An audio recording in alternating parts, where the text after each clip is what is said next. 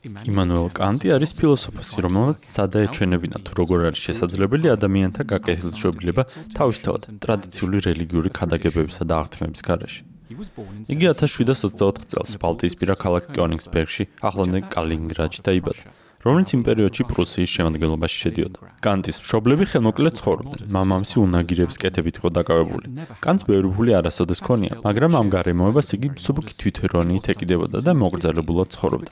პროფესორის რანგით სრულ განაკვეთზე ის მხოლოდ 50 წელს გადაცილებული გავიდა და კეთილდღეობის საშუალო დონესაც მაშინ მიაღწია. კანტი ძალიან მკაცრი და ღრმად რელიგიური ოჯახიდან იყო. თავად კანტი ტრადიციული რელიგიის მიმდევარი არ ყოფილა, თუმცა კარგად ესმოდა თუ რამხელა როლი ითამაშა რელიგიამ მისი მშობლებისთვის ცხოვრებისეულ სირთულებთან გამკლავებაში და რამდენად სასარგებლო შეიძლება იყოს რელიგია სოციალური ერთსულოვნებისა და საზოგადოების განვითარებისთვის. კანტი ფიზიკურად სუსტი აღნაგობის იყო და გარეგნობით ნამდვილად ვერ დაიკვეხნიდა, თუმცა სოციალური აქტივობით გამოირჩეოდა. კოლეგები აკრიტიკებდნენ კიდეც ზედმეტად ბევრ წვეულებაზე სიარულის გამო.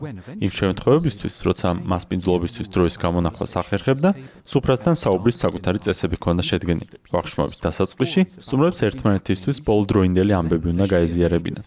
ამას ძირითადი ფაზა დისკუსია უნდა მოყოლოდა, სადაც დამსწრენი მნიშვნელოვან საკითხებზე იმჩელებდნენ და ბოლოს დასკვნითი ეტაპი აუცილებლად მომხენას უნდა დათმოვდა, რათა სუფრა ყოველას კარგ ხასიათზე დაეტოვებინა. იგი 1804 წელს 80 წლის ასაკში კიონინგსბერგში გარდაიცვალა, ისე რომ იშვიათად თუ გასჩენია მშობლიური ქალაქის დატოვების სურვილი. კანტი ისტორიის მეტად საინტერესო პერიოდში მოღვაწეობდა, რომელიც ჩვენთვის განმანათლებლობის სახელითაა ცნობილი. 1794 წელს გამოქვეყნებულ ესეში სახელად რა არის განმანათლებლობა, კანტი ამბობს, რომ მისი ეპოქის თავისებურებას მზარდი სეკულარიზმი წარმოადგენდა. ინტელექტუალურად კანტი მიესალმებოდა ქრისტიანული რწმენის შესუსტებას, მაგრამ პრაქტიკული თვალსაზრისით იგი ამით შეშფოთებული იყო. იგი ადამიანის ბუნების მიმართ სკეპტიკურად იყო განწყობილი და სწამდა, რომ ჩვენ ბუნებრივად უზნეობისკენ ვართ მიდრეკილი. სწორედ ამ აზრმა უბიძგა მას მისი ერთ-ერთი ცხოვრებისეული მისია დაესახა. ეს გახლავთ რელიგიური ავტორიტეტის ჩანაცვლება ადამიანის გონის პრიმატით. რაც შეეხება რელიგიურ საკითხებს, მან საკუთარი შეხედულებები შეაჯამა წიგნში სახელად რელიგია მხოლოდ გონების საზღვრებში. აქ იგი ამტკიცებს, რომ ისტორიული რელიგიები შინაასაობრივად ცდებოდნენ, თუმცა ზნეობრივი ქცევის წახალისების საჭიროებას ზუსტად მიაგნეს. საჭიროებას, რომელიც ჯერ კიდევ არსებობდა. სწორედ ამ იდეით გამსჭვალულმა შექმნა კატეგორიული იმპერატივი, რომლითაც იგი ალბათ ყველაზე კარგადაა ცნობილი. ეს უცნაურად ჟღერად ტერმინი პირველად ერთ შეხედვით დამთრგუნელი სათავის მქონე ნაშრომში სახელად მორალის მეტაფიზიკის დაფუძნება გამოჩნდა. კატეგორიული იმპერატივი ამბობს: მხოლოდ იმ წესის მიხედვით იმოქმედე, რომელსაც რომ შეგძლოს საყოველთაო წესად აქცევდი. რას გულისხმობდა კანტი ამაში? ეს მხოლოდ ძალიან ფორმალური პერიფრაზია იმ იდეის, რომელიც საუკუნეების განმავლობაში არსებულ თითქმის ყველა ძირითად რელიგიაში ფიგურირებდა. ნუ გაუკეთებ სხვას იმას, რაც არ გინდა რომ შენ გაგიკეთო.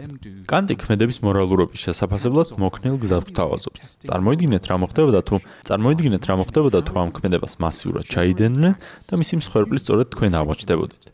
შესაძლოა მასწავლებელი იყოს სამსახურში საწყობიდან რამდენიმე ფურცლის აღება, ეს ხომ არაფერია, მაგრამ ყველამ რომ იგივე გააკეთოს, საწყობს და ზოგადად საზოგადოებას გაცილებით მეტი დარაჯის საჭიროება შეექმნებოდა.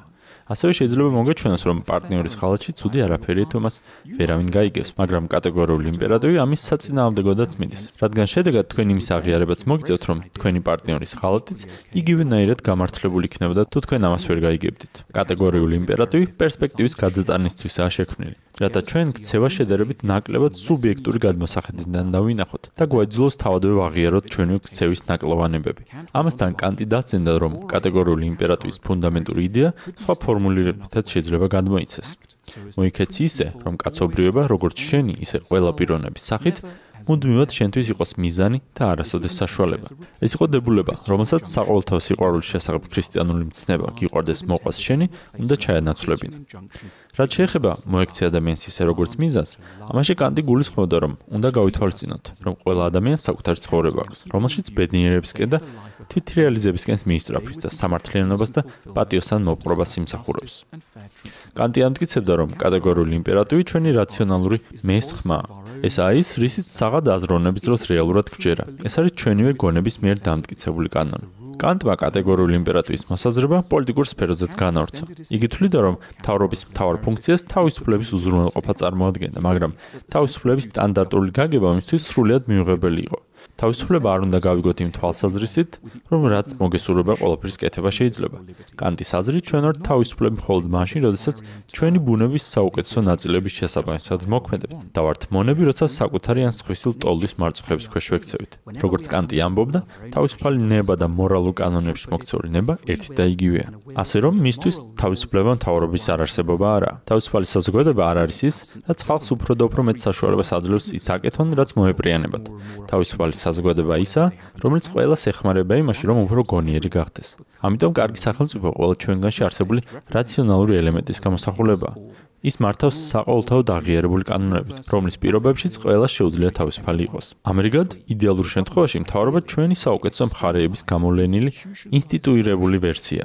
პოლიტიკით და ეთიკით დაინტერესებული მოაზროვნისთვის შეიძლება გასაკვირიც კი იყოს, რომ კანტმა 1793 წელს ერთ-ერთი ფუნდამენტური ნაშრომის სახელად მსჯელობის უნარის კრიტიკა ხელოვნებას და მშვენიერების გაგებას მიუძღვნა. მაგრამ კანტს წამდა, რომ მისი იდეები ხელოვნების შესახებ მთელი მისი ფილოსოფიის ქვაკუთხედს წარმოადგენდა. კანტის აზრით, ცხოვრება გაუთავებელი ბრძოლა იყო ჩვენს საუკეთესო ზნეობრივ მხარესა და ლტოლვებს, ვალდებულებებსა და სიამოვნებებს შორის.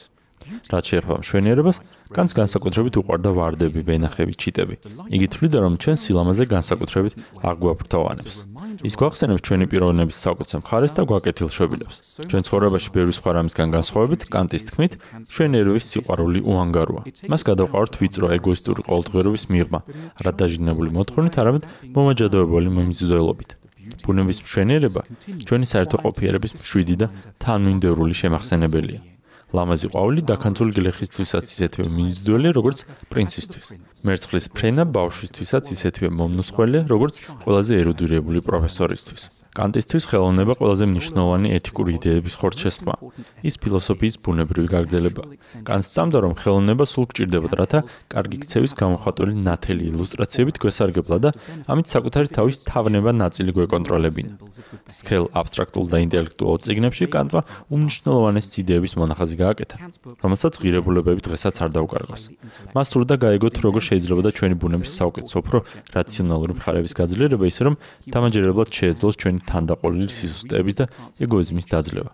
კანტი მიიჩნევდა, რომ სეკულარიზაციის საშუალებით იგი იმის რაციონალურ ვერსიას განავითარებდა, რაც რელიგიები მუდმივად ცდილობდნენ, თუმცა სრულყოფილად ვერასოდეს ახორციელებდნენ. დაგხმარებოდა, რომ გავხდარიყავით უკეთესები.